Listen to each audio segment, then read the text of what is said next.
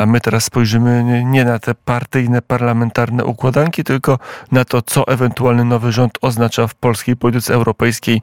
Naszym gościem profesor Tomasz Grzegorz Grosse, politolog, europeista, wykładowca akademicki związany naukowo z Uniwersytetem Warszawskim, no ale też chociażby z Centrum Analiz Klubu Jagiellońskiego. Dzień dobry, panie profesorze.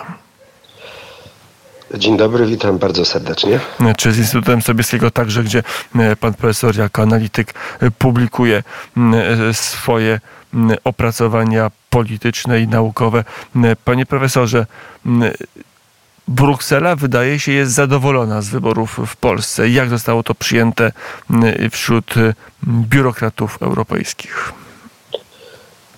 No my mamy wręcz euforię, jeśli chodzi o urzędników, ale też większość w Parlamencie Europejskim, czyli y, Bruksela i Strasburg są bardzo zadowolone z tej zmiany, ale nie tylko, bo też euforię, jeśli tak można powiedzieć, y, mm, wyrażają y, politycy niemieccy, którzy oczekują, że dzięki tej mm, prawdopodobnej zmianie warty w Warszawie no w tej chwili uda im się bez problemu e, odblokować te różne tematy europejskie i mm, przede wszystkim e, to, na czym im najbardziej zależy, e, szybko przeforsować. Tutaj mam na myśli po pierwsze pakt migracyjny, ale po drugie, co jest znacznie bardziej poważne i istotne, E, zmiany ustrojowe, zmiany traktatowe, do których e, przymierzają się zarówno e, i przede wszystkim Niemcy, ale również Francuzi.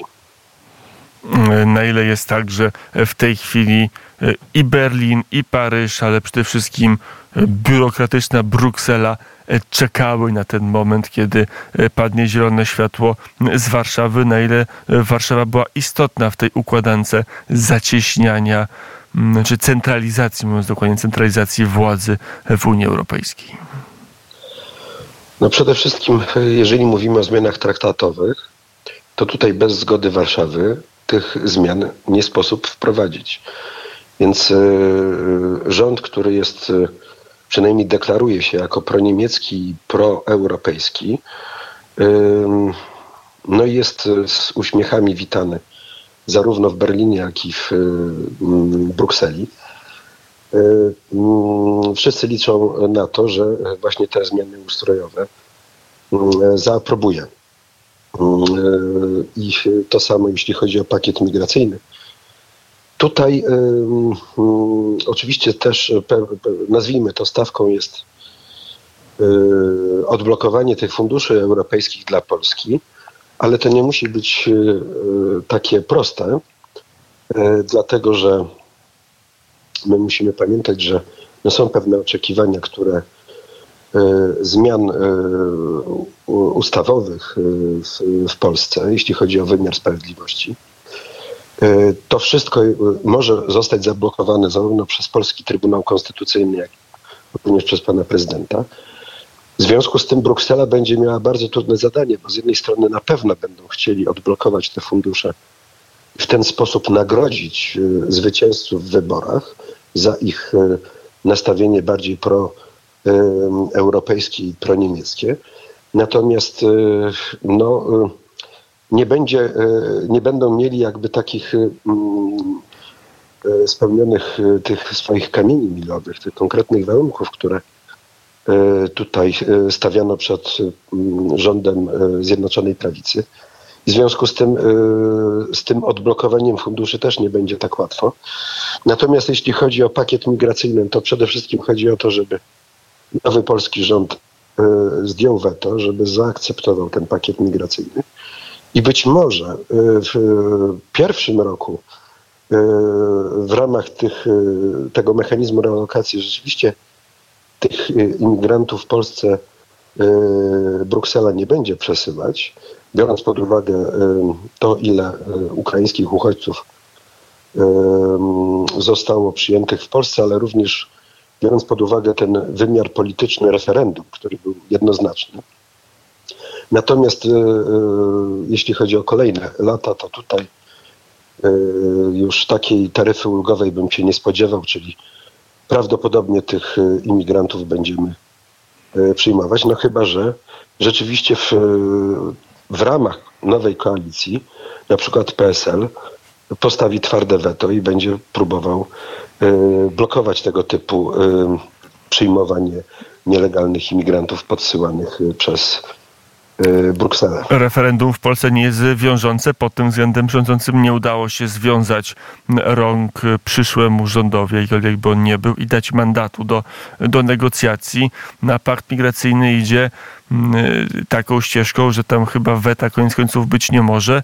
Y, jak właściwie y, rząd polski mógłby wstrzymywać pakt migracyjny, a, a co oznacza, że, że Warszawa powie, że się zgadza na ten pakt migracyjny? Jaka to jest waga polityczna takiej deklaracji? Jaką decyzję de facto w związku z tym będzie podejmował Donald Tusk, mówiąc tak albo nie na rzecz paktu migracyjnego? No to tutaj jest oczywiście hmm, trudno przewidzieć, natomiast my musimy pamiętać, że jeśli chodzi o referendum, no to tutaj, o ile dobrze pamiętam, około 11 milionów ludzi, 11, y, 11 milionów wyborców wypowiedziała się jednoznacznie przeciwko y, przyjmowaniu y, imigrantów w ramach paktu mm, migracyjnego czy tego mechanizmu relokacji. Więc to ma swoją wagę polityczną. To nie jest, y, y, nawet jeżeli formalnie to referendum nie ma znaczenia, to ma znaczenie polityczne. Więc y, jeżeli Tusk chciałby to odrzucić, no to będzie miał przeciwko sobie nie tylko te 11 milionów, które zagłosowało w tym referendum, ale prawdopodobnie kilka milionów więcej, które nie głosowało, uznając, że to jest plebiscyt y, popularności y, Zjednoczonej Prawicy, ewentualnie dezaprobaty wobec mm, ustępującego rządu, ale poglądy mają zdecydowanie antyimigracyjne, bo jak popatrzymy na wszystkie sondaże, to no ten poziom niechęci wśród Polaków wobec tego mechanizmu relokacji to jest E, między 60 70%. Więc e, e, to jest znacznie więcej niż wzięło udział w referendum. I to też są wyborcy tych partii koalicyjnych, które przystępują do formowania nowego rządu. Zwłaszcza jeśli chodzi o wieś i zwłaszcza jeśli chodzi o elektorat tutaj trzeciej drogi, a przede wszystkim PSL-u. Więc e, e, mówiąc krótko, to oznacza, że Tusk powinien być ostrożny, jeżeli nie chce mieć jakiejś rewolty w swoich szeregach. Mm, na ile jest tak, że to, bo politycy opozycji często mówią, w tej chwili już po wyborach nie mówią, że odrzucą, mówią, że będą negocjować pakt migracyjny. Co właściwie Donald Tusk może unegocjować nad paktem migracyjnym w Brukseli i na jak długo? Trochę pan już profesor o tym mówił, ale, ale jak to wygląda? Jakie są właściwie zapisy tego paktu mm, i czy on jest w ogóle negocjowalny? No na tym etapie oczywiście on nie jest negocjowalny. On może być negocjowalny na zasadzie y, takiej, że w tym konkretnym roku albo w przyszłym Y, Komisja Europejska nie y, przyśle tej y, naszej kwoty imigrantów, która przypada na Polskę, czyli zrobi w, w ciągu tego pierwszego roku odroczenie. No ale mm, to nie znaczy, że to będzie jakiś wielki sukces, no bo w kolejnych latach już tych imigrantów Bruksela będzie nam podsyłała. Więc to jest e, prawdopodobnie to, o czym w tej chwili myślą e, politycy e, centro-lewicowej opozycji, która się szykuje do przejęcia władzy. Jeśli chodzi, jeśli mówią o tych negocjacjach z Brukselą, to jest drobna rzecz, która nie ma zasadniczo żadnego znaczenia. Pod tym względem Zjednoczona Prawica jednak była bardziej zdeterminowana, czyli nie chciała realizować prawa europejskiego. Mówiła twarde nie, jeśli chodzi o relokację i w tym roku, i w kolejnych. I przez to zamierzała wymusić na Brukseli i innych państwach członkowskich, żeby ten mechanizm rzeczywiście uczynić dobrowolnym, a nie tak jak obecnie przymusowym. I była na to szansa, dlatego że za Polską i Węgrami ustawiała się już kolejka krajów, które chciała się przyłączyć i wymusić jakby tą renegocjację. No obecnie po zmianie e, warty w Polsce szanse na taki no bardziej dla nas e, korzystny scenariusz są mniejsze. No głównie za sprawą e, samego Donalda Tuska i tych ugrupowań lewicowych, które tworzą koalicję, czy chciałyby tworzyć koalicję, no bo one będą mm, raczej starały się uśmiechać do Brukseli, a nie wojować z Brukselą. A tutaj należałoby e, przynajmniej na początku trochę z Brukselą powojować. No ale na to oczywiście nie ma woli politycznej, jeśli chodzi o tą e, lewicowo-liberalną e, opozycję. To na ile jest tak, że, że ci migranci się nie pojawią w, pierwszym rzucie, w pierwszym roku, w roku 24, ale już jakaś kwota będzie przydzielona w roku 20, w 25, bo też są takie analizy, że w zasadzie w tych dokumentach nie ma jakiegoś mechanizmu zwolnienia, że jedyne zwolnienie jest wówczas, kiedy kraj zapłaci za to, że nie przyjmuje migrantów. To jest decyzja pozostawiona Komisji Europejskiej. Komisja Europejska może właśnie no podjąć dyskrecjonalnie taką decyzję. Albo odroczyć jakby, czy zawiesić w danym roku y, przesyłanie tych imigrantów ze względu na y, jakąś tam y, sytuację związaną z polityką migracyjną. No w naszym przypadku to jest napływ Ukraińców, uchodźców ukraińskich. Mm, ale tak naprawdę to jest absolutnie kwestia dyskrecjonalna. I e, zależy tylko i wyłącznie od e, samej komisji. Komisja oczywiście może to w związku z tym wykorzystywać politycznie, czyli mówiąc krótko, dawać, e, jak to powiedział pan profesor Legutko, ciasteczka euroentuzjastom i dawać po łapkach eurosceptykom, w zależności od tego, jak niby to apolityczni urzędnicy oceniają e, poszczególne rządy w państwach członkowskich. Więc e, tutaj e, wszystko na to wskazuje, że będą raczej rozdawać ciasteczka, przynajmniej w pierwszym roku. Niemniej mm, to wcale nie oznacza, że ta, ten, ten, później my nie dostaniemy tych imigrantów. Panie... Nawet większych, większych alokacji, bo raczej kryzys się będzie rozkręcać i e, te kwoty do podziału będą większe. Panie profesorze, naszym gościem profesor Tomasz Grosse, politolog europeista, mm, który naukowo zajmuje się procesem europejskim. To jeszcze jeden temat przy okazji formowania się ewentualnego nowego rządu centrolewu poruszmy. To jest kwestia KPO. Donald Tusk powiedział, następnego dnia po wygranych przez nas wyborach odblokuje pieniądze na Krajowy Plan Odbudowy. Tych funduszy, tych środków oczywiście nie ma, chociaż dzień jest e, trzeci po, po, po wyborach. Teraz się uznaje, że ten dzień po wyborach to oczywiście była przenośnia. Nie chodziło o dzień po, tylko o jakiś czas po.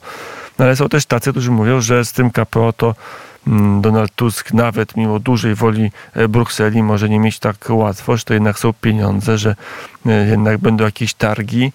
E, kiedy faktycznie Donald Tusk mógłby po te pieniądze sięgnąć albo Bruksela by mu je przekazała? No wtedy, kiedy pan prezydent i Trybunał Konstytucyjny mu na to pozwolą. Chyba, że Bruksela stwierdzi, że rezygnuje e, z kamieni milowych, które do tej pory stawiała, e, kładła, byśmy mogli powiedzieć, pod nogi e, rządowi Zjednoczonej Prawicy. Już teraz się nie przejmuje systemem sprawiedliwości, tego, że on jest zdaniem Brukseli upolityczniony czy dysfunkcjonalny i po prostu wręczy jakąś tam transzę pierwszą funduszy Tuskowi dzięki temu, że po prostu y, mamy rząd y, euroentuzjastów w Warszawie. Y, tylko, że taki scenariusz no, wydaje się być mimo wszystko mało prawdopodobny.